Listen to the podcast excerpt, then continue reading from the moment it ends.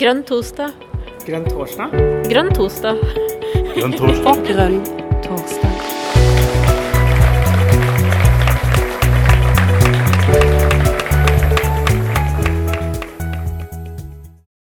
Velkommen til Grønn torsdag, Karina. Og Velkommen til Grønn alle andre torsdag. her. Ja. Mm. Nå er det fjerde sendinga med nestlederkandidater. Det er det. Dette er kjempespennende.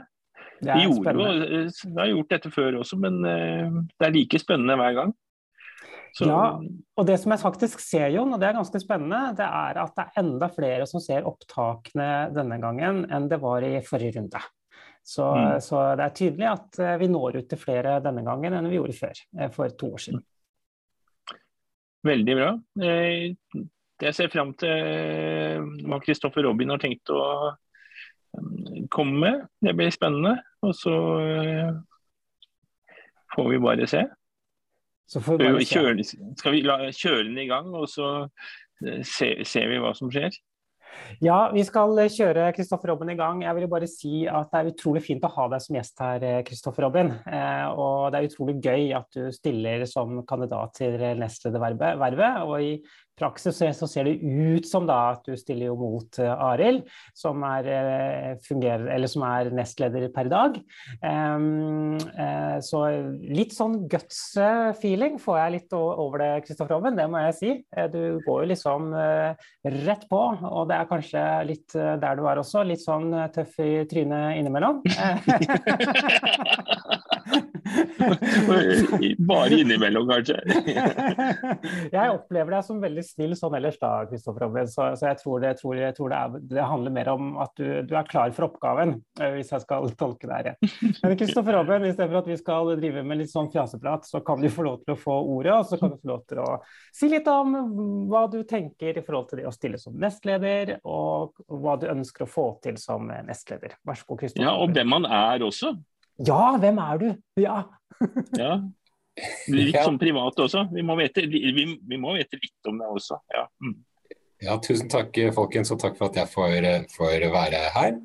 Eh, nå er det jo et, eh, et vedtektsendringsforslag fra sentralstyret som åpner for at man kan ha to mannlige nestledere. og Jeg stilte jo som lederkandidat før jeg visste hvem som var foreslått innstilt da, fra valgkomiteen. Eh, så jeg stiller mer generelt som nestleder. og Hvis den går gjennom, så kan det jo bli meg og Arild som blir to nestledere. Men hvis ikke den går gjennom, så blir det da enten meg eh, eller Arild. Og så blir det da enten Natalie og eller, eh, eller Ingrid også. Så det blir spennende å se.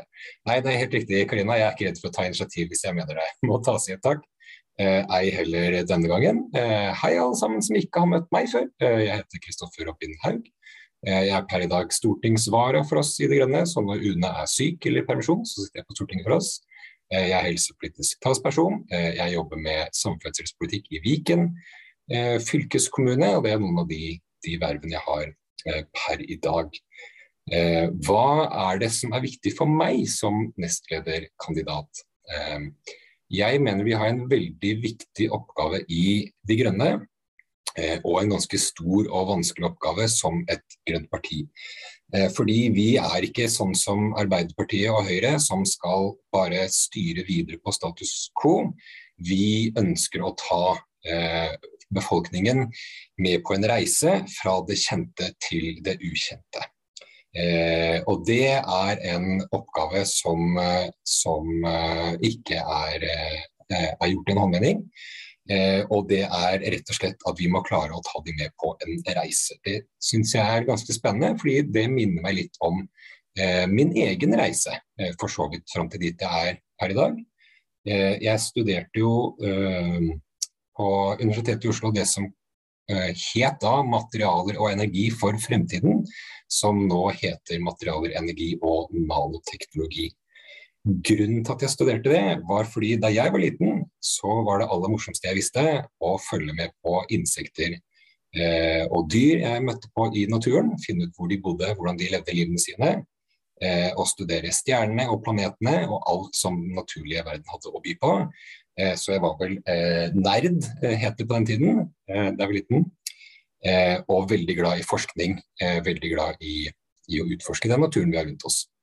Så da jeg begynte på videregående og lærte om, gjennom min interesse for naturvitenskap, da, lærte om at verden sto foran en gigantisk klimakrise som kom til å rote til det aller meste av eh, livet på jorda, så tenkte jeg at ok, eh, jeg er interessert i naturvitenskap. Jeg er ikke så verst når det gjelder eh, fysikk og kjemi og sånt. Eh, så, og dette her ser ut til å være den aller største problemet vi står overfor som mennesker. Eh, så da er det lett å ta én pluss én er lik to. Eh, da skal jeg bruke det jeg kan om naturvitenskap til å forske frem noen fantastiske fornybare energiløsninger som fikser denne klimabiffen. Eh, så jeg skal bli forsker, og så har vi nok løst dette problemet de neste fem årene. Det var min plan. Eh, så på den tida så kunne nok jeg stemt på hvis det var et parti som het Klimapartiet De Grå, som ville løse klimakrisen for enhver pris, så hadde nok de helt klart fått min stemme. Eh, for det var en ganske enkel virkelighetsbeskrivelse. Fikser vi den biffen, så har vi ingen store problemer eh, lenger. Det var jo et, et, verdensbilde som heldigvis ble mer komplekst og utfylt etter hvert som jeg vokste opp. Men én ting som jeg fant ut da jeg begynte å studere, var én at det er masse andre fornuftige mennesker som jo har jobbet med fornybar energi eh, lenge og funnet på masse fornuftige eh, løsninger. Eh, men to, problemet var jo ikke at det fantes ikke noen fornybar energiløsninger. Man hadde jo da eh, massevis av fornybar energi. Jeg jobbet jo spesielt innen, innen sol, solceller, solenergi, nanoteknologi i solceller. Problemet var jo at disse løsningene ble ikke tatt i bruk fordi man hang fortsatt igjen i fossilalderen. Eh, så det var jo eh, var jo på en måte lite skudd for baugen for min enkle virkelighetsoppfatning at bare vi finner på en smart løsning, eh, så er alt løst. Og Det er også mitt sånn svar når folk sier at de er teknologioptimister.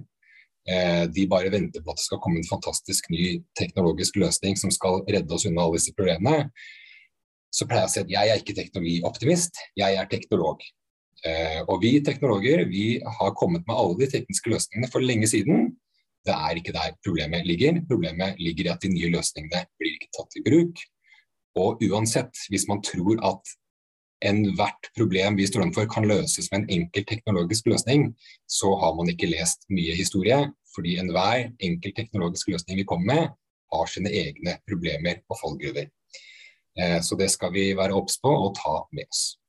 Eh, så eh, tenkte jeg at ok, løsningen her må jo da bli å få disse teknologiene ut på markedet.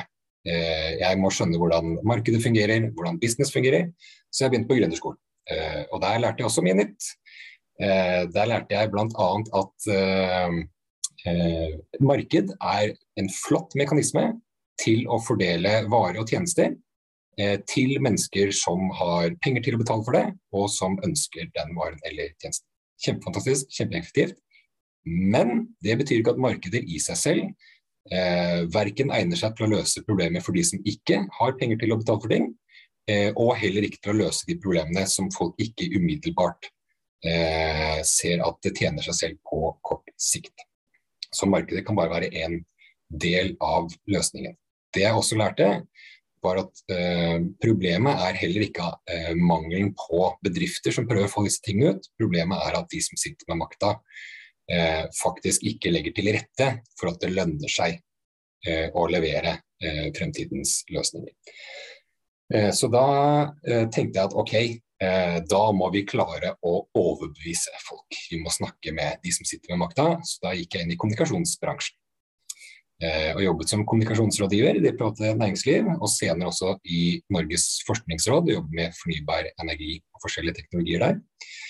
Eh, og ble etter hvert såpass frustrert over det å forsøke å snakke fornuft til mennesker som eh, sitter med makt, at jeg tenkte enten så må jeg bruke resten av livet mitt på å irritere meg over mennesker som ikke vil lytte, eller så var man nødt til å brette opp ermene og gjøre ting sjøl. Og da har man jo valget, hvis man skal bli politiker, mellom å tenke skal man bli med i et av de store partiene som har makt, og prøve å snu de? Eh, eller skal man finne ut hvem som har mest mulig på plass allerede, og hjelpe de til å bli større? Jeg hadde jo studert eh, fornybar energiteknologi, eh, og veldig mange av mine medstudenter gikk jo inn i oljebransjen. fordi Norge da ikke satsa på fornybar energi, men satsa veldig på olje. Eh, og Det beviser jo for så vidt én ting, det er at det er veldig lett å omskolere teknologer mellom fornybar energi og olje. Eh, for det var ikke noe problem å omskolere alle mine medstudenter til å jobbe i olja. Så andre veien går nok ganske fint det også, så lenge vi har noen gode ordninger for det. Men eh, de gikk jo alle inn med et mål om at vi skal gjøre oljebransjen grønnere. Stol på oss, Kristoffer Robin. Om fem år så kommer oljebransjen til å se helt annerledes ut. Eh, fem år seinere, dessverre, så så ikke oljebransjen spesielt annerledes ut. Eh, men veldig mange av mine venner hadde en betydelig gråere måte å se ting på og snakke om ting på. Eh, og jeg måtte jo se på en måte verdien i å få litt økt utbytte fra et eller annet oljefelt. Det var viktig og del av løsningen, det også, da. Så jeg skjønte jo at det som skjer med deg hvis du går inn i et stort parti, og prøver å endre på de, så blir du det man på godt uh, samfunnsvitenskapelig kaller kooptert. Det er jo evnen alle store systemer har til å ta enhver form for nytenkning og bare overta begrepene som brukes, og pakke de inn i sin egen, i en egen status quo, og så er det lite som endres, endrer på seg. Men man gir et inntrykk av at nå skal alt bli så mye bedre. Mitt favoritteksempel er jo alle disse eh, veldig flotte, flinke unge idealistene i AUF eh, som går over til Arbeiderpartiet, og som ender opp med å føre en helt annen politikk enn den de trodde de skulle gjøre i sin ungdom. Så fant jeg ut etter litt research at det er rett og slett bare ett parti eh, som, som, har politikken i orden når det gjelder klimakrisen, og det er Miljøpartiet De Grønne. Så da ble jeg med i Miljøpartiet De Grønne, først som frivillig, eh, og så så meldte jeg meg inn i eh, 2013 og ble da med å starte eh, lokallag ute i Groruddalen. Jeg begynte som, som, politiker i Oslo. Eh, og min reise i Miljøpartiet De Grønne har jo gjort at jeg har gått fra å være en sånn klimaforsker, kall det det, som er veldig orientert etter klimakrisen er det største problemet, det må vi løse, til å se at dette her henger sammen med en måte å se på samfunnet på. Eh, og Derfor har jeg blitt veldig veldig opptatt av eh, forskjellen på grønn og grå ideologi. Eh, og Der tror jeg det ligger veldig, veldig mye sprengkraft for oss som parti. Fordi det er svaret på hvorfor Miljøpartiet De Grønne har så mye bedre politikk når det gjelder både natur, miljø, klimakrisen, men også når det gjelder skolepolitikk. Også når det gjelder helsepolitikk. Når det gjelder å ta vare på mennesker som faller utenfor i samfunnet. Når det gjelder å ta vare på fremtidige generasjoner. Eh, så har Miljøpartiet De Grønne et helt annet utgangspunkt. Og det er fordi at vi ser verden på en helt annen måte enn det de gamle grå partiene gjør.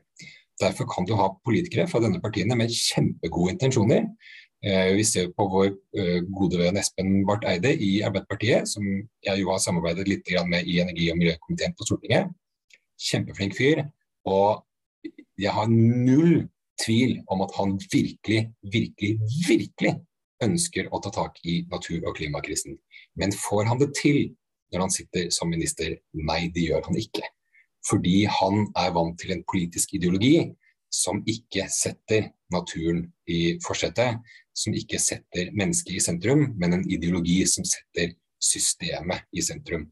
Som starter med de økonomiske modellene, som starter med den tankegangen om at her skal vi lage et stort system som skal styres fra sentralisert, et sentralisert byråkrati. Um, og vi skal optimalisere dette systemet. Og gjennom det så skal vi forhåpentligvis oppnå mange andre gode sekundære mål. Og Når man sitter fast i den tankegangen, så vil man aldri klare å sette naturen og, med, eh, og menneskene først. Fordi man må starte i den andre enden, og så må man endre systemet etter det som faktisk tjener naturen, og det som faktisk tjener menneskene. Eh, og det er en ganske, en ganske um, annen måte å tenke på enn det folk har blitt oppdratt til å tenke på i landet vårt. Eh, så jeg mener en del av jobben vår som parti er å få folk til å skjønne denne historien.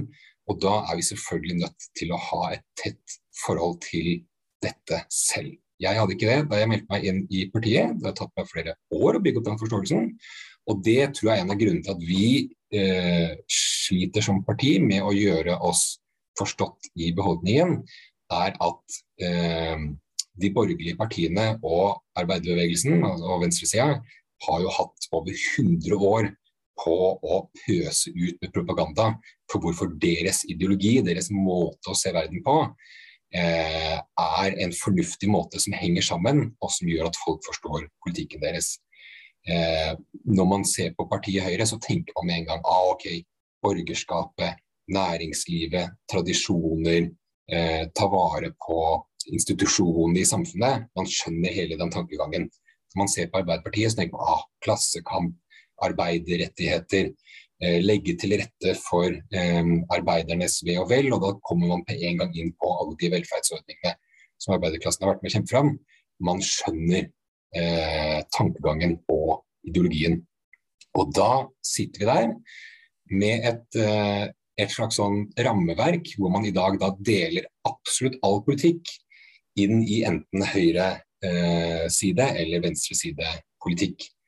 Eh, og da mister man veldig mye av virkelighetsforståelsen som vi er avhengig av at folk skal, folk skal skjønne. Og jeg har en liten eh, eh, Alle som kan på en måte liksom politisk idéhistorie sånt, eh, vrir seg litt i stolen hver gang jeg drar på en måte gjennom, gjennom en forenkla historie, for det er fryktelig overforenkla.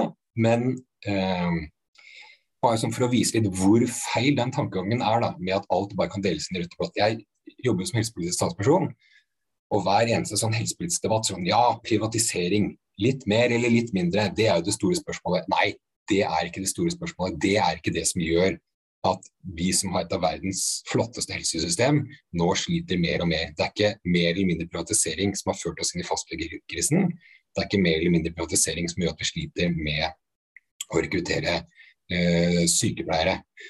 Så, og det er ikke eh, mer eller mindre privatisering som gjør at vi bygger for små sykehus når vi først, eh, først bygger dem. Det er en del av den grå politiske tankegangen eh, som gjennomsyrer store deler av den politiske tankegangen og statsapparatet i Norge i dag. Vi ser det i skolepolitikken, vi ser det i helsepolitikken, og vi ser det absolutt i klima- og miljøpolitikken og veldig mye av den andre politikken. Ok, bare siden jeg, siden jeg har fri taletid, eh, så kommer jeg til bare å dra veldig raskt gjennom en ekstremt overforenklet politisk idéhistorie her.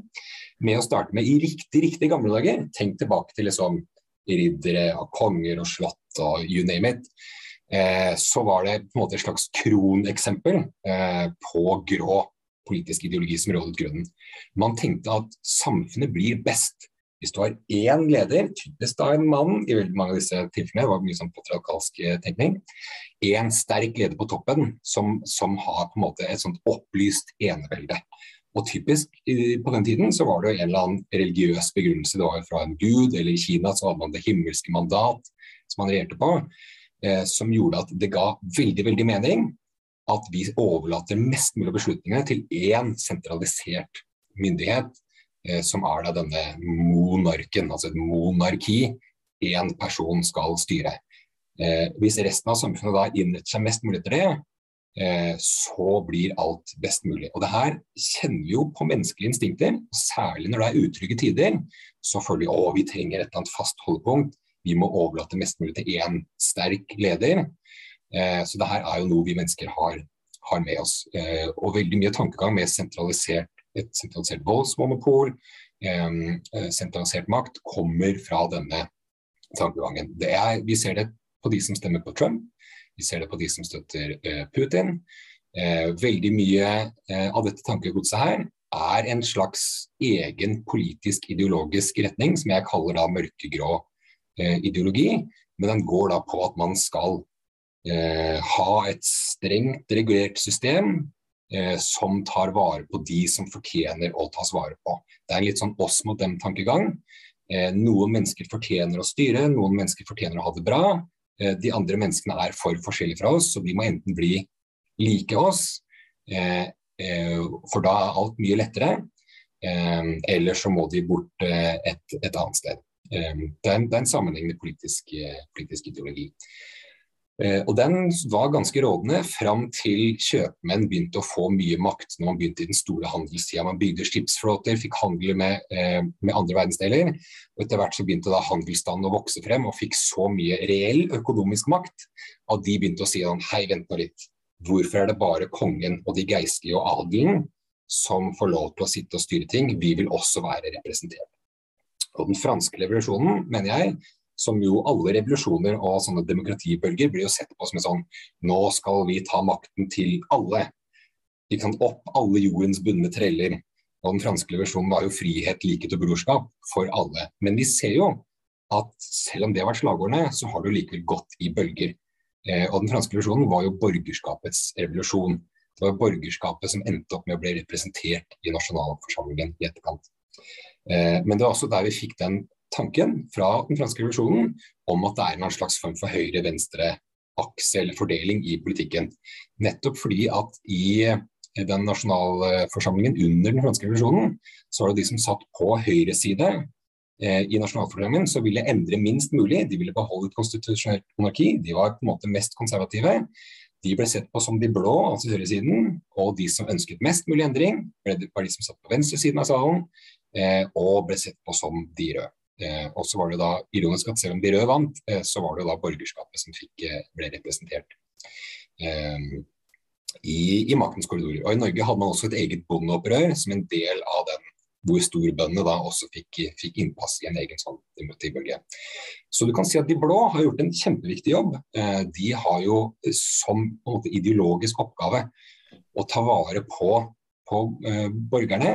De skal beskytte enkeltindividet mot da det statlige overgrepet. En slags sånn, uh, i, en, I en borgerlig politikers hode så er enhver politisk kamp en slags sånn gjentagelse av den uh, eneveldsmakten som staten da har gjort overgrep mot befolkningen på. Uh, og Derfor er de ofte på høyresiden ofte for mindre statlig innblanding i ting, som et slags sånn ekko fra den viktige jobben de hadde i den første demokratibølgen, som var da å opprette Betyr, betyr det Kristoffer Robben, at nå kommer da den røde bølgen eh, snart i, i denne historien? Det, det, er helt riktig. Fordi en konsekvens da, av denne velstanden som vokste fram, var at disse, dette rike borgerskapet eh, startet med den industrielle revolusjonen, opplysningstiden, og man fikk da en ny, stor underklasse, særlig av folk som flyttet inn til byene, med arbeidere. Eh, og de hadde man jo ikke nødvendigvis tenkt å gi diverse grunnleggende, grunnleggende rettigheter. Eh, og så var det ikke sånn at i Norge, da, hvor du hadde de første politiske partiene, var jo Høyre og Venstre. De var begge borgerlige partier. Og det var ikke sånn at de ikke tenkte på arbeiderne. De hadde jo massevis av forslag for å gjøre livet lettere for arbeiderne. Men de var ikke skapt av arbeiderne. De var født ut av borgerskapet. De så ting med borgerskapets briller på. Eh, så de klarte ikke å se hvordan arbeiderne faktisk hadde det det var det arbeiderne selv som klarte å se, og da fikk du arbeiderbevegelsen, i Norge da med Arbeiderpartiet, som sa hei, vent nå litt. Hvorfor er ikke vi representert i maktens korridorer? Hva med våre rettigheter til å streike? Hva med våre rettigheter til velferdsordninger? Hva med våre rettigheter til representasjon? Eh, så det var jo da den andre demokratibølgen, de røde, som kjempet gjennom. Og som vi skal være veldig takknemlige for, for da fikk vi det trepartssamarbeidet som, eh, som har tjent oss veldig godt eh, i dag. Eh, men igjen så har du da det problemet at eh, flott, da var jo arbeiderne eh, representert i maktens korridorer. Men kampen var da mellom kapitalister og arbeidere, og mellom de som eide fabrikkene og de som leverte arbeidskraften til fabrikkene. ingen tenkte på hvor er det vi faktisk får ressursene fra? Hvem er det som egentlig produserer maten vi spiser? Hvem er det som gir oss disse råvarene? Naturen og de andre dyra som hele dette systemet her er bygd på. Som på en måte et slags sånn korthus. Hvem taler deres sak? Eh, og ikke nok med det, hvorfor skal alle ressursene fordeles mellom de som i dag enten har kapital eller arbeidskraft? Hva med fremtidens generasjoner? Hva hvis vi bruker opp absolutt alt på de som eh, bare de røde og de blå skal fordele alle ressursene mellom seg? Og ikke minst de som faller utenfor. Hva med de som verken er arbeidere eller fabrikkeiere? De som er fattige, de som er utstøtte, de som er papirløse, de som er på flukt. Eh, de som blir diskriminert pga. måten de ser ut på, pga. måten de oppfører seg på, pga. legning, pga. kjønn osv. Hva med alle de som faller utenfor systemet? Og Man så jo da gjennom første og andre verdenskrig at det eh, systemet man hadde, ikke klarte å opprettholde på en måte da grunnleggende fred eh, i samfunnet. Og i etterkant av verdenskrigene så begynte man da å endelig få øynene opp for disse store miljøproblemene. Eh, Rachel Carson var vel den første som startet den Silent eh, The Silent Spring, som advarte mot hvordan disse naturødeleggelsene kunne ramme oss. Og Da er det jo da behovet for den tredje eh, demokratibølgen, som er det vi eh, ser starten av nå, og som Miljøpartiet De Grønne er representanten for i norsk politikk. Eh, som er da den minst like stor endring i tankesett og i måten å gjøre ting på, som det vi hadde under de forrige to eh, ganske turbulente demokratiske eh, omveltningene med både den, den, blå og den røde revolusjonen. Eh, og Det er jo grunnen til at vi ikke bare kan valse inn og tenke at vi er som et hvilket som helst annet parti. Hvorfor stemmer ikke folk på oss? Jo, fordi vi representerer en helt ny måte å tenke på. Vi er ikke stiftet for å ivareta kapitalistenes interesser. Vi er ikke stiftet for å ivareta arbeidernes interesser. Vi er jo stiftet, som det står i eh, vårt fantastiske prinsipprogram, eh, i solidaritet med andre mennesker, i solidaritet med naturen og de andre dyra, og i solidaritet med fremtidens generasjoner. Eh, og jeg tror at eh, når folk eh, spør oss, som de spør veldig mye i hver valgkamp, hva er forskjellen på dere og SV, hva er forskjellen på dere og Venstre? Hvis vi ikke kjenner godt nok til hva som gjør oss unikt forskjellig, så tror jeg vi ender opp med å svare ja, de er jo også glad i klima og miljø og sånt, men vi vil det bare hardere. Eh, og det tror jeg ikke overbeviser folk. Eh, jeg tror at folk har lettere for å skjønne det, hvis de skjønner hvor de faktisk kommer fra. Eh, og ser den grønne, eh, grønne tråden i all politikken vår. Eh, og når jeg snakker med velgere, så er det jo typisk da ikke klima- og miljøpolitikk jeg snakker om. Jeg snakker typisk om eh, helsepolitikk. Eh, noe sosialpolitikk som, eh, med Nav og sånne ting som, som dukker inn på det. Eh, og den tankegangen eh, kan folk faktisk skjønne. Fordi veldig mange som enten jobber i offentlig sektor, enten du har barn i skolen eller du har vært innom helsevesenet, så ser du det at den rådende tankegangen, som er en ikke mørkegrå, men som er en grå måte å tenke på, eh, som da er rådene det kalles ofte New Public Management, av masse forskjellige ord. Måltallsstyring er en sånn ting man ser i det. Som er rådene i veldig mye av den politikken som rår per i dag, som både høyre- og venstresiden har, har kjøpt eh, og vært med å implementere. Folk ser at det ikke fungerer i praksis. Eh, når du ser at eh, ungen din bare pugger til disse standardiserte prøvene, du ser at lærerne har ikke tid nok til å følge opp elevene, fordi man har et sånn måltallsstyringsregime som gjør at du skal bruke mer tid på å føre loggføring og rapportere inn og bli overvåket fra et sånt sentraliseringsstyre, enn å være fagperson eh, som er tilgjengelig, tilgjengelig for barna. Det vet både lærerne, elevene og foreldrene deres at er feil. Derfor trenger vi en grønn skolepolitikk, hvor du da setter eleven i sentrum. Du gir lærerne tiden og tilliten tilbake igjen eh, til å ha den pedagogiske friheten. Du får ting inn som mer praktisk tilnærming til undervisningen, større variasjon, mer kreativitet inn i undervisningen, og bort med sånne ting som eh, en monoman fokus på å telle antall fraværstimer osv. Og, så og tenke at alt skal bli, bli mye bedre. Bare vi får det tallet lavt, og vi får en eller annen PISA-tall til, eh, til, å gå oppover. Eh, og det skjønner folk eh, der ute. Og da skjønner de at vi har faktisk løsninger for hele samfunnet. Og Grunnen til at vi er best på klima og miljø, er ikke fordi at vi er monomant opptatt av klima og miljø. Det er fordi at vi har en grønn tankegang som gjør at vi tenker på samme måte i skolepolitikken, i helsepolitikken og i klima- og miljøpolitikken. Vi lytter til fagfolkene som er nærmest der problemstillinga er, og vi er ikke opptatt av at ting skal måltallsstyres eh, sentralt fra, og tvinge disse løsningene opp på folk ut fra da et sånt kostnadsoptimaliseringsregime og effektiviseringsregime som er den rådende tankegangen i dagens, i dagens grå politikk. Her jo, dette her er jo kjempeinteressant, Kristoffer Robben. Robin. fordi det du, det du, trekker opp, er jo, er jo, det ideologiske grunnlaget vårt. Eh, og synliggjør at du har et veldig bevisst eh, forhold til, til, det ideologiske grunnlaget. Og jeg tenker at det er jo en del som kanskje ikke har tenkt så mye over at vi faktisk har et ideologisk eh, grunnlag. Eh, og, og, og, og, sånn så tenker jeg det er, det er veldig fint at du trekker de linjene. Hvordan, hvordan tenker du at, eh, at, dette preger deg som politiker, og hvordan du tenker gjennomføring av grønn politikk? Eh, jo, det er interessant at du spør om det, for det er jo eh, Jeg mener det er jo to måter å bruke politisk ideologi på. Den ene skal vi passe oss veldig for, og det blir sånn har en maoistisk holdning til ideologi. Det står i partiboka, og da skal ting gjøres på denne og denne måten. Uh, det er skummelt. Uh, ensretning er, er, er lite hensiktsmessig. Men det er en annen måte å bruke ideologi på, og det er å se på at det, det er en grunn til at vi har fellestrekk i den tankegangen vi har. og det gir et slags rammeverk for å gjøre det lettere for folk å forstå hvorfor vi tenker som vi gjør, og kanskje da bli med på den tankegangen hvis man ser at denne måten å tenke på er jo sånn jeg også tenker. Eh, F.eks. Eh, senest i dag hadde jeg et møte med, med Norsk Luftambulanse.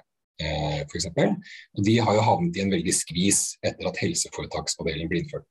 Helseforetaksmodellen er en, et klassisk eksempel på en veldig grå politisk måte å tenke på. Det er å si at ok, eh, vi får veldig mye får veldig mye pepper for politiske beslutninger i helsepolitikken vår. La oss opprette et eget sånt, ikke direktorat, men et eget sånt eh, byråkratorganisasjon under oss politikere, hvor de viktigste beslutningene skal tas da bak lukkede dører. Så slipper vi mer bråk med det, så overlater vi det til noen i en sentralisert enhet. Og så skal de da ta beslutninger på vegne av de forskjellige da helsefag, eh, som jobber helsefaglig, legene, sykepleierne rundt omkring i landet.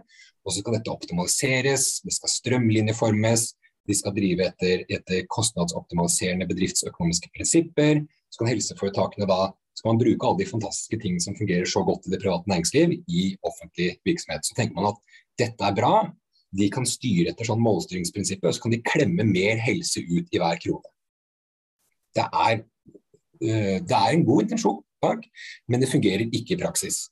For det man ser da, er at f.eks. Eh, Norsk Luftambulanse, som er en ideell stiftelse, som har drevet innovasjon og utvikling i luftambulansetjenesten, som er en av grunnene til at Norge er et av de landene i verden som har noen av de beste luftambulansetjenestene man har, de blir da skvist ut fordi de passer ikke inn i anbudsregimet eh, som, som, Norsk Luftambulanse har. For der skal det være, drives veldig kommersielt etter veldig sånne faste, gitte kriterier. Eh, og et anbudsregime er altså sånn at der skal, for å ha mest mulig kontroll fra et sentralisert hold, ikke sant? klassisk grå politikk, så skal du ha veldig sånn stringente regler. Og så er det kun mellom hver anbudsperiode at du kan drive innovasjon. Så at alt blir låst i fire, fem eller syv år, avhengig av hvor lang anbudsperioden er. Og så må du da ha all innovasjon må da klemmes inn i neste anbudsrunde, og så blir alt fastlåst i neste periode. Mens sånn som Luftambulansetjenesten var vant til å gjøre det, så drev de innovasjon og utvikle ting å kunne løse oppgaver som dukket opp underveis, og mer fleksibel. Og Det er også et eksempel på eh, en ideologisk tilnærming. Hvis du er, tenker blått som politiker, så tenker du at privat næringsliv, konkurranseutsetting, det er det beste. Da får du konkurranse, så optimaliseres alt. Og så tenker du ikke på at i tillegg får du da et profittjag. Eh, og at alle bedriftene er nødt til å ta ut en profitt for å melke systemet for at det skal gå i hop for aksjonærene sine. Hvis du er rød politiker, så tenker du nei, det offentlige er det tryggeste. Da har vi demokratisk kontroll, da har vi garantier for at alt fungerer på riktig måten. Og da blir du låst til det offentlige regimet, og du skal da styre for sånn minimumskriterium, som at alt skal være innenfor det her. Men noe mer eller noe variasjon ut fra det, det er skummelt, for da risikerer vi å gå på akkord med de forventningene. De, der kommer jo grønn tankegang inn igjen, med å da la ideelle virksomheter eh, styre mer av de, eh, de løsningene som får til. Ja. Eh, Hvordan skal folk få stilt spørsmål til deg, Kristoffer Robin? Nei, jo... Vi har en time, har vi ikke det? Jo. vi, vi, kan, vi, kan, vi kan, jeg, skal absolutt, jeg kan absolutt stille, inn, stille spørsmål, men bare for å avslutte eksempelet. Da. Så, det er problemet når, når, du gir fri taletid til en politiker. vet du. Ja, det var det jeg skjønte. ja, så, så, det er også en måte grønn tankegang er unik på. At vi eh, har mye mer romslighet for å slippe til en stor variasjon av ideelle virksomheter. Alt fra de som kan konkurrere med private aktører. Og det kan de gjøre fordi sånn som Norsk Luftambulanse, de har jo ikke noe profittjag. Så de trenger ikke å ha den ekstra utbytte eh, som, som private aktører trenger. Men du kan også da ha mer ideelle aktører som ligner mer på offentlige aktører, som eh, Lovisenberg sykehus f.eks., som løser mye av oppgavene som et, eh, som et, offentlig drevet eh, sykehus eh, gjør.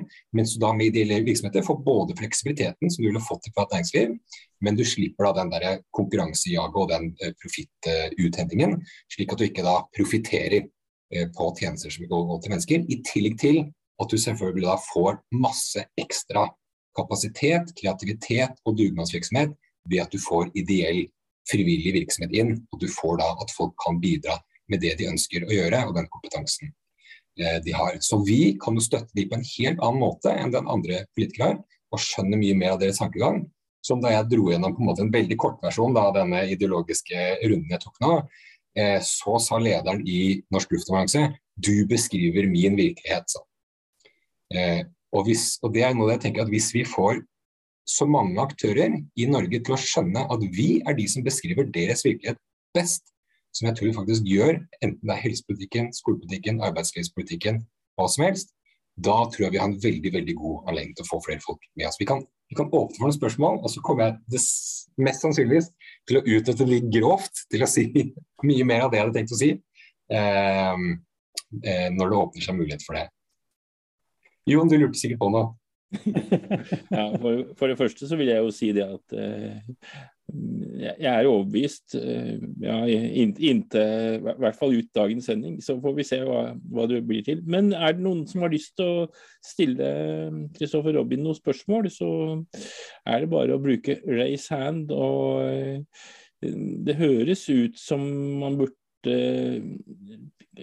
Kanskje prøve å finne et sted han ikke greier å komme med et langt svar. Det kunne vært interessant. Men eh, jeg lurer da, da, har jeg, da, har jeg, da har jeg et spørsmål, eh, Jon, eh, som du må slippe meg til etterpå. Ja. Kristoffer eh, Robin, eh, hvorfor skal jeg velge Hvis da ikke den vedtektsendringa går gjennom, men det blir sånn at det står mellom deg og Arild. Hvorfor skal jeg velge deg og ikke Arild? Eller eventuelt også hvorfor skal jeg velge Arild og ikke deg? Eh, du har jo vurdert Arild eh, litt opp og ned, regner jeg med. og så ja, jeg har jo vurdert alle, alle potensielle neste kandidatene, og også tenkt på flere i partiet som kunne vært aktuelle. Som mest sannsynligvis da ikke har hatt anledning til å stille, stille den gangen. Eh, og jeg mener helt genuint at vi som parti eh, nok vil kunne være veldig godt rustet uansett hvem av oss fire som, som blir valgt som nestleder. Eh, og vi har også flere gode ressurser å spille på i, i, partiet vårt. Så det er en av de store fordelene ved akkurat denne, eh, denne valgkampen, om man skal kalle det det, er at vi, vi har bare forskjellige måter å vinne på. Eh, hvis jeg skal fremheve mitt eget, eh, mitt eget eh, kandidatur, så er det, jo, det er jo opp til Eh, de som skal stemme på landsmøtet, og bedømme hvem man faktisk har størst tro på at kan, kan, kan lede partiet. Eh, det jeg er mest opptatt av for mitt kandidatur, er at jeg har noen veldig klare tanker om hva vi bør endre på som parti. Jeg mener at vi hadde en evaluering av valget i 2017 som sa at vi må gjøre ting annerledes. Vi må slutte å være et, eh, fremstå som et ensaksparti eh, som er så ivrige etter å oppnå rene CO2-kutt og ikke noe som helst annen politikk, at vi skyver velgere fra oss. Og at vi også gjør det i måten vi kommuniserer politikken vår på. Eh, så gjorde vi ikke tilstrekkelige endringer i måten vi gjør ting på. Slik at vi nå har eh, også da eh, en god grunn til å, å vurdere Arild. Eh, han gjorde en meget god eh, evaluering av, ledet en meget god evaluering av valgkampen vår, som jeg mener Eh, ga mange av oss i partiet rett i at vi fortsatt fremstår som et ensaksparti, og at vi fremstår som et eh, hva den velger kalte det, et klimarabulistisk parti. Eh, som, som eh, folk rett og slett ikke har troverdighet til at vi vil kunne styre landet på en god måte. At vi fremstår mer som en slags sånn protestorganisasjon. Eh, og, og jeg mener at den konklusjonen av den evalueringen tilsier at vi som parti nå burde være midt i en ganske kraftig omstillingsprosess. Eh, jeg føler ikke at vi er i en ganske kraftig omstillingsprosess. Eh, hvis det var opp til meg, så hadde det vært alle mann på dekk. Eh, full kriseforståelse, kode rød for partiet. Her må vi virkelig sette i gang med å gjøre ting på en annen måte. og Det er jo det jeg har tanker om hvordan man kan gjøre. og det, Hvis man er enig i det, så mener jeg at det er en god grunn til å stemme på meg. da. Takk. Eh, nå varsla Karina at hun hadde lyst til å spørre, men jeg tror jeg slipper eh, Kristin til først. Ja, det må du godt gjøre, fordi at det spørsmålet ditt er sånn skikkelig vanskelig, så jeg vil at Kristoffer Robin skal grue seg litt. Ja. Vær så god, Kristin. Vi får se om mitt er noe lettere, da. Um, hei, Kristoffer uh, Robin. Jeg lurer på om du liksom kan utdype uh, hva er det du vil gjøre hvis du blir nestleder? Hvordan er det du vil få skuta inn på den nye kursen? Ja, tusen takk Kristin. Nå kasta du nettopp på en ny femkroning. eh, nei, jeg mener at vi har jo også en, en reise foran oss som, uh, som parti. Eh, det kan godt hende at mange av de måtene vi har, gjort ting på til nå, eh, har vært nødvendige for å bryte gjennom lydmuren i norsk politikk. Eh, sette oss, og ikke minst da klima- og natursaken på Eh, på agendaen. Eh, men jeg mener helt genuint at eh, den kalde merkevaren vi nå har i befolkningen, som et, et klimarabulistisk ensaksparti, har en naturlig øvre grense for hvor mange, hvor mange, velgere man kan få. Og jeg mener at det er det vi kjenner på nå, at vi har nådd den grensen. Så med mindre vi da blir et annet parti i folks bevissthet, Eh, så vil vi ikke kunne vokse videre som parti. Det er min, min klare måte, forutsetning eh, for, eh, for, det jeg mener er, er arbeidet vårt videre. Hvordan vi da skal den, Jeg mener den reisen skal se ut som vi byr oss ut på. Eh, jo, det ene handler jo da om å eh, bredde ut politikken vår. Og Det vil da si at vi er nødt til å få en god forståelse og selvtillit på bredden i politikken vår selv. Det fordrer ganske mye intern skolering. Vi har masse flinke folk rundt omkring i landet. Og når jeg drar rundt på besøk til lokallag, som jeg gjør en, en god del av, så sier folk flest at jeg skulle gjerne visst mer om helsepolitikken vår, om skolepolitikken vår, om næringslivspolitikken vår om samferdselspolitikken vår, om forskningspolitikken vår. Eh, fordi jeg har ingen gode svar eh, når jeg får spørsmål av venner og familie, eller når jeg er på husbesøk eller står på sted. Eh, og Da er det masse ting vi kan, kan gjøre eh, av ulike skoleringsopplegg. Eh, og lage eh, informasjonsmateriell, faktavideoer osv. som vi kan spre ut i partiet. Men det å få til en skikkelig dugnad, diskusjonsforaer, trene på å skrive leserinnlegg om forskjellige temaer osv er en ganske stor jobb med mye aktivitet, eh, men også ganske mye morsom aktivitet. For det vil jo si at vi kan jo trene på å, eh, å ta disse budskapene ut eh, og snakke med folk. Eh, sammen med mener jeg da, å bli trygge på den grønne tråden i politikken vår. Så skolering er absolutt en, en, eh, en av grunnstenene i det jeg mener vi burde være, burde være godt i gang med nå. Eh, og så handler det mye om å skape gode relasjoner. Folk flest kan så lite om politikk, og de er, følger så lite med på politikk. De stemmer egentlig ikke ut fra faktisk politikk. Ja, en del mennesker får det med seg. Vi skal ikke ha dårlig faktisk politikk. Vi har en fantastisk god faktisk politikk på veldig mange områder. Det skal vi fortsette med. Men det folk flest stemmer på, er jo mennesker de har tillit til.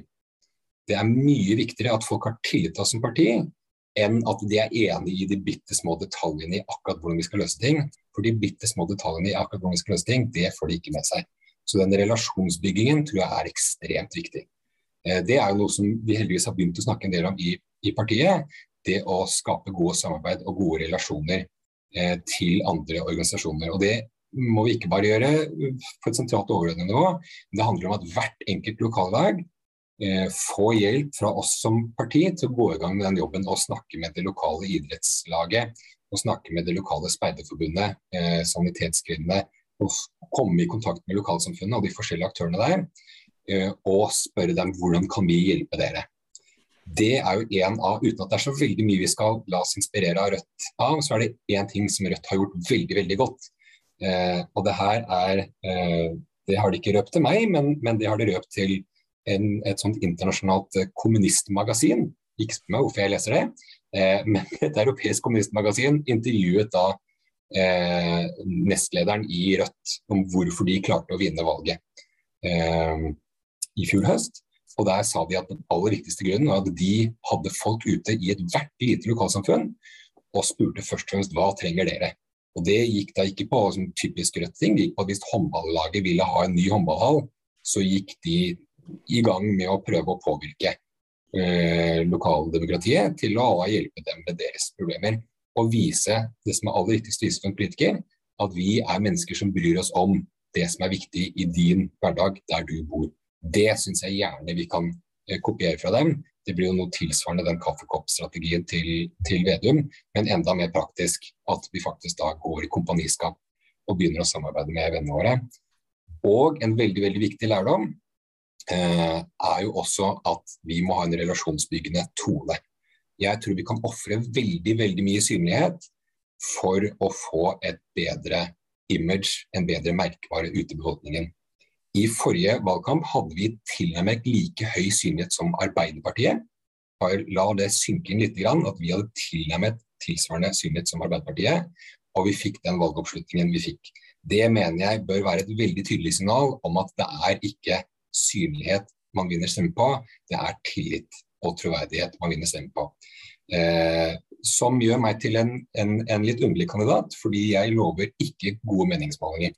Jeg lover det motsatte. Hvis jeg får lov til å bestemme hvordan ting skal gjøres, så skal vi bli nærmest usynlige en god stund.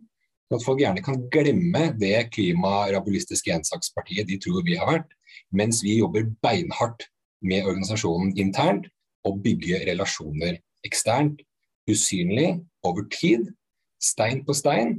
Og så kan vi da sakte, men sikkert bygge opp den synligheten eh, eksternt igjen med den nye imaget vårt, og at vi da har en klar og tydelig retning. Eh, og styrer mest ikke etter hva kan vi nå få et kjapt oppslag om, men hva er det som gjør at folk skjønner best mulig hvem vi er? Hva er det som styrker tilliten til oss? Eh, det er det aller viktigste. Og da er det mange muligheter man går glipp av. Og det kommer til å gjøre kjempevondt. Vi kommer til å skjelve i buksene alle mann når man ser meningsmålinger godt ned på totallet i mange mange måneder. Eh, men det er ikke der vi skal hente motivasjonen fra. Motivasjonen vår skal ikke komme fra hvordan meningsmålingene svinger fra dag til dag, for det er avhengig av faktorer helt utenfor kontroll. Hvor motivasjonen skal komme fra gjør vi de tingene vi skal gjøre, får vi kontakt med flere mennesker, klarer vi å få ut budskapet vårt, og treffer budskapet vårt, det som folk da kan klare å kjenne seg igjen i. Det er en stor overgang, men det er den reisen som jeg ønsker å ta oss med. Takk. Du satser høyt. Har du noe oppfølging, Kristin? Nei, jeg syns han uh, svarte godt for seg. Ja. Takk. Altså, altså jeg, jeg, tror jo at, at, Christopher Robin eh, konkurrerer mot en bergenser. Fordi eh, det er jo, det er jo, det er jo ikke noe eh, Altså, det, det stopper jo aldri. nei. Eh, du hadde ikke noe mer oppfølging, Kristin, så da Nei, nei jeg hadde ikke det. Jeg syns det er et veldig, veldig spennende prosjekt, må jeg si. Eh, hvis det er noen andre som har lyst til å komme med noen spørsmål, så må dere vifte med handa. Men nå er det Karina som hadde et eh, infamt spørsmål. Var det? Ja, det er skikkelig infamt. Det det, jeg tror faktisk at dette her kan være liksom vinn eller forsvinn for Kristoffer Robben. Jeg bare prøver å bygge opp litt her. Nei da, det er, ikke, det er ikke så skummelt, Kristoffer Robben. Men eh, jeg tenker at du, du, får frem veldig mye av det du er god på. Eh, så mitt spørsmål til deg er litt sånn brutalt. Eh, hva er du ikke god på? Eh, ja, det er et godt spørsmål. Ehm, det er sånn På jobbintervjuer så skal man alltid ha et eller annet Jeg er for arbeidsånd. men, men, men vi, vi, kom litt inn på i den, i den samtalen også at jeg har jo veldig tydelige meninger om eh, om retning, da, eh, som jeg mener for, eh, for partiet. Og, og det her er det ulike, eh, ulike tankeganger. Jeg har snakket med flere i partiet som mener at nei, vi burde være et veldig, veldig tydelig klima- og miljøparti utelukkende. Eh, vår jobb er ikke å bygge oppslutningen og, og gjøre som f.eks. De grønne i Tyskland og, og skaffe makt over tid. Vi skal kun trekke politikken i en mer klima- og miljøvennlig retning. Det er en helt legitim måte å tenke på. Det er, en, er en, en, en, viktig rolle et parti kan spille i politikken, det også. Eh, men det er en retning som jeg da er, er uenig i. Eh, og jeg er jo den type eh, leder, vil jeg si, som er mer opptatt Altså som drives mest da, av mer visjonen om hvor vi skal hen, og få folk med på det. Og hvis man har en annen versjon, så er jeg en slitsom leder å ha. Eh, fordi, fordi, da vil vi alltid strekke i, i hver vår retning. Eh, så, så positive siden av det er tydelighet på hvor jeg mener vi skal hen. Og den negative siden er at da er det Eh, er det slitsomt hvis man, hvis man heller på en måte da skulle sett at jeg var en leder som hadde mer fokus på, på en måte, å bygge god stemning, eller en leder som den detaljerte organisatoriske eh, grepene og den type ting, som også er veldig gode lederegenskaper, men som ikke er mine, eh, mine sterke sider. Mm, mm. Ja, men, eh, tusen takk. Så det, så det, du egentlig sier, er jo at dette er en av de måtene hvor hvor du representerer et tydelig retningsvalg for partiet eh, som, som, eh, som, eventuell nestleder. Det er det du egentlig eh, sier, Kristoffer Robben. Har jeg skjønt deg rett? Det er helt riktig. Eh, og jeg mener jo da at noen vil kanskje si at det er et retningsvalg vi burde tatt allerede i 2017. Eh, det er vanskelig å si, for vi har ikke noen tidsmaskin, så vi kan ikke dra tilbake og teste hva som hadde skjedd da. men jeg mener at dette her er helt klart et slags, eh, eh, et slags mulighetsvindu vi har nå. Kall det nesten et Kodak, et Kodak moment. Hvor jeg mener vi er nødt til å ta et tydelig retningsvalg. Eh, hvis vi ikke tar tydelige avklaringer på disse tingene som parti, så klarer vi ikke alle sammen å dra i, i riktig retning. Og det er den veldig tydelige retningen jeg mener vi bør gå, som, gå i som parti. Mm. Og så tenker jeg bare som en sånn oppfølging, da, fordi at uh, du vil jo da uh, eventuelt bli nestleder sammen med enten Ingrid eller med Natalia eller med Arild. Um, hvis du skal sammenfatte styrkene til hver og enkelt av de med noen få ord, uh, hva er det du vil digge med å være nestleder sammen med hver og en av de? Ja, uh, jeg kan starte med Ingrid, da, siden hun er her i, i chatten i dag. Eh, så har jo Ingrid jobba veldig mye med, med organisasjon, organisasjonsutvikling. Eh, og, og, det tror jeg er en veldig god match eh, med meg sånn sett. Så det har vært fantastisk å få med de egenskapene. I tillegg til at, til at jeg føler at Ingrid også har mye, mye koll på den ideologiske måten å å tilnærme seg politikken, politikken, på. Så der føler jeg veldig sånn, trygghet på den visjonære, retningen også. Eh, Arild har den fordelen at han har jo eh, han har jo ledet framtiden i våre hender gjennom endringsprosesser. Eh, jeg har også jobbet med endringsledelse, men, eh, men ikke i framtiden i våre hender. Jeg har også jobbet i, i Norsk Klimatiltak, som er en betydelig mindre organisasjon. Eh, så Arilds erfaring med å endre organisasjoner tror jeg hadde vært veldig verdifull. Eh, og Natalia har en veldig unik egenskap med det å nå ut til de nye velgergruppene som vi skal nå ut til, eh, næringslivet. Eh, og nå ut i, i, distriktene, som også er en suksessfaktor jeg mener vi bør kopiere fra, fra Rødt. Det er ingen grunn til at parti som Rødt skal være noe mer populært i distriktene enn Miljøpartiet De Grønne er, når du ser på den faktiske politikken. Så den teften på å nå ut til de målgruppene vi faktisk skal snakke med fremover, det er en veldig en, en fantastisk egenskap som Natalia, som Natalia har. Eh, så rekker vi ikke å få vedtatt noen uh, ny partistruktur med fire nestledere. til, til landsmøtet, ja. men en, en hvilken som helst kombinasjon av disse, av disse, egenskapene her er jo dynamitt eh, mm. for, for, partiet. Mm. Så lenge, man, så lenge man går i den retningen jeg mener vi bør gå i. ja, selvsagt. selvsagt. Kristoffer Robin, du har vært på Stortinget. Du har blitt eh, kjendis fordi at du hadde et kamera, kamera, rett mot deg som du drev og utnytta en del. Men det å eh, og Du er jo også oppe i fylkespolitikken. Det, det å Den politiske erfaringa det var noe, hvis jeg husker riktig, så var Natalia innom det som en av sine fordeler. Da, og at vi burde ha flere folk med som politisk erfaring. Det er, noe, eh, er det noe du har tenkt noe på som et eh, element som er viktig? Ja, hvis, politisk parti.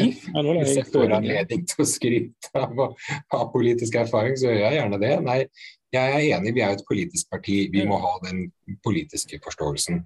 Eh, er, er, veldig viktig. Det er selvfølgelig da en mulig arbeidsfordeling i et, i et lederteam. Men det er klart hvis vi ikke skjønner den politiske virkeligheten, så, så har vi en utfordring som, som, som parti. Og så betyr ikke det at absolutt alle i ledelsen bør ha det, for det er jo forskjellige roller man skal fylle. Vi skal jo også bygge en organisasjon. Og særlig den, den fasen vi skal inn i nå, så mener jeg det er, er eh, kanskje noe av, det, noe av, det, viktigste. Men jeg er helt enig i at politisk erfaring er, eh, er veldig, veldig, godt å ha med seg. Og jeg har jo politisk erfaring som både lokalpolitiker, uh, fylkespolitiker, stortingspolitiker. Og har samarbeida med både høyre- og venstresiden i norsk politikk. Uh, så, så, jeg ser helt klart at det er en, er en fordel. Takk. Har vi noe mer, Karina? Han, han, har jo snakka fryktelig mye. Han er vel den som har Jeg, jeg telte antall ord. Han har dobbelt så mange ord som Ingrid. ja, da er det en fordel å gjøre på. Ja, det, for, det, er det avgjøres faktisk eh, på ikke det førstkommende, men neste søndag, Kristoffer Robin. Da får du fasiten eh, på det. Så det blir jo, det blir jo spennende. Eh, det, du har snakketøy i orden, det er det ingen tvil om. Kristoffer Robin. Um, og så må jeg jo si, da, siden du nevnte dette med kommunistisk eh, blekke, som vi ikke skulle spørre hvorfor du driver og leser, uh, så da skal jeg ikke gjøre det. Men, men, en av de første gangene jeg møtte deg, det var på en folkevalgtsamling. Uh, og, og, der hadde vi et, et, et, et sånt type spill hvor vi, hvor vi skulle leke at vi, at vi, ble valgt inn i et kommunestyre, et fiktivt kommunestyre, og vi var fiktive partier partier. Og du, og du var jo da eh, representant for det rødeste partiet, som da het noe helt annet Rødt, selvsagt. Eh, men det var et eller annet noe sånn marxist-leninistisk front eller et eller annet i den stilen der. Og, og, og eh, måten du da fremmet at så lenge vi fikk denne statuen av Lenin, så, så kunne vi gjøre nesten hva som helst, eh, det, det, er, det er noe jeg husker veldig godt. Så du levde deg skikkelig inn i rollen. Um, bruker du skuespill ellers i politikken? Det er mitt spørsmål til deg. Eh, nei, det, det, gjør jeg ikke annet enn en på en måte må, Det å bruke stemmen da er jeg vant til å, vant til å gjøre. Så det å, å, uttrykke seg når man på en måte sitter i, i ryggmargen sånn sett. Så kan jeg røpe at før jeg stemte Miljøpartiet De Grønne, så stemte jeg Høyre. Eh, så hvis det er noen fare for å, for å putte meg i en, i en, i en bås det, det, interessante er at på den, eh, det rollespillet så var det jo jeg og Jo Inge Busknes fra, fra, Nes i, i Akershus som var, eh, som var, på lag. Eh, og det er litt sånn, Hvis man skal lete etter hvor jeg mener på en måte partiets sjel ligger, og hvordan vi kan jobbe og se ut i fremtiden, så vil jeg ta en titt på hvordan de jobber i Nes Eh, lokallag og, og, gjengen i Nes kommune. For både måten de da kommuniserer med innbyggerne eh, og samhandler der, og også med de andre partiene, og fokus på å få frem det positive menneskene er i og menneskevennlige politikken vår, eh, har de en egen evne til å få til deg. Så look to Nes, rett og slett. Look to Nes, det syns jeg var en eh, veldig, veldig god oppfordring. Jo Inge er en eh, fantastisk lokalpolitiker, by the way. Um, jeg ser at uh, det er noen som har tegnet seg for å få inn, lure inn et siste spørsmål til deg, Kristoffer Robin. Torgrim, vær så god. Skal vi se om vi klarer å jeg, klar, jeg, jeg, tror jeg klarte ja. det nå. Ja, ja da. Kristoffer Robin, du er flink til å prate, men uh, du er uh, også flink til å lytte. Uh, og jeg tenker Jeg sitter ute i Asker, da, og, og der har vi på en måte prøvd å ta din oppfordring på alvor om å prøve å lytte litt. gå ut i lokale foreninger, høre hva de tenker. Og på en måte ta inn innspill. da, uh, Og være en litt mer lyttende organisasjon enn en som belærer. Uh, og der tenker jeg at, uh, at din måte å tenke på er, er veldig fin, altså. Det er veldig, veldig bra det, det du sier med, i forhold til å, å, å lytte ute og ta på en måte grasrota på alvor. Tusen takk. Det var eh, gode ord å få med seg, Kristoffer Robin. Har du noen kommentar? ja, tusen takk, eh, Torgrim. Og det er jo det jeg mener at eh, vi også bør gjøre inn, inn, internt i partiet. Og der vet jeg at mange av de andre nestlederkandidatene også har gode tanker med at eh, partiet bygges i, i bredden eh, og i grasrota, og, og, og, må bygges over hele landet. Og Det er mange deler av landet eh, som, som, krever mye innsats, eh, innsats for å, å, bygge opp og støtte opp. Eh, akkurat i, i, Asker er jo et litt sånn inspirerende eksempel, fordi eh, det var jo mange som var litt nedslått etter valgresultatet. Eh, ikke de som hadde lytta til mine fremskrivninger, riktignok. Eh, men mens de fleste andre lå og slikket sine sår, så sa de i Asker at vi skal ut på husbesøk. Så de gikk ut og, og sjekka hva folk mente om den nye kommuneplanen og hvor man skulle plassere, skulle plassere idrettsanlegg, og var rett i gang med å, å, lytte til lokalbefolkningen og bygge de gode relasjonene. Eh, så det står det veldig respekt av. Så det tror jeg også er et eksempel til, eh, til inspirasjon. Mye flinke folk der ute. altså. Veldig bra. Eh, nå har du vel egentlig runda flere ganger, men eh, var det sånn at du tenkte hadde noe klar forestilling om en avrunding av den timen du fikk hos oss? Jeg tenkte, jeg, skulle, jeg tenkte jeg skulle prate i ett kjør og så bli kasta ut på et eller annet tidspunkt. Jeg hadde altså håpet at jeg hadde fått inn, fått inn nok, nok, eh, gode, nok, gode, eksempler som deg. Men hvis jeg får anledning til å, å si et par avslutningsord, eh, så vil jeg si at, eh, at eh, den retningen jeg ser for meg, ser jo ikke jeg nødvendigvis på som noen, eh, som noen sånn radikal ny retning for partiet. For veldig mange jeg har snakket med, også blant de som har vært med i partiet helt fra starten av, eh, føler jo at måten vi har fremstått på, i måten, måten vi har kommunisert på, måten vi har liksom tilvendt oss ting på, har på en måte fjernet seg liksom mer og mer fra den opprinnelige eh, grunntanken bak partiet, og det man på mange måter kan kalle partiets grønne sjel. Eh, så jeg føler at mye av den retningen eh, jeg tror vi er nødt til å gå i som parti, mer er back to the roots. Eh, at det handler mer om å, eh, å endelig tørre å kommunisere på den måten folk i veldig store deler av partiet egentlig alltid har ønsket å kommunisere eh, og som man har gjort veldig mange steder rundt omkring, særlig i lokalvalgene. Og jeg tror faktisk det er en av grunnene til at vi gjør det bedre i lokalvalg enn i nasjonalvalg, er fordi at der har vi kommunisert mer i tråd med det som faktisk er eh, den virkelige den virkelige sjela i partiet. da. For vi er jo et parti som er bygd på omsorg, ikke på, nødvendigvis på konflikt.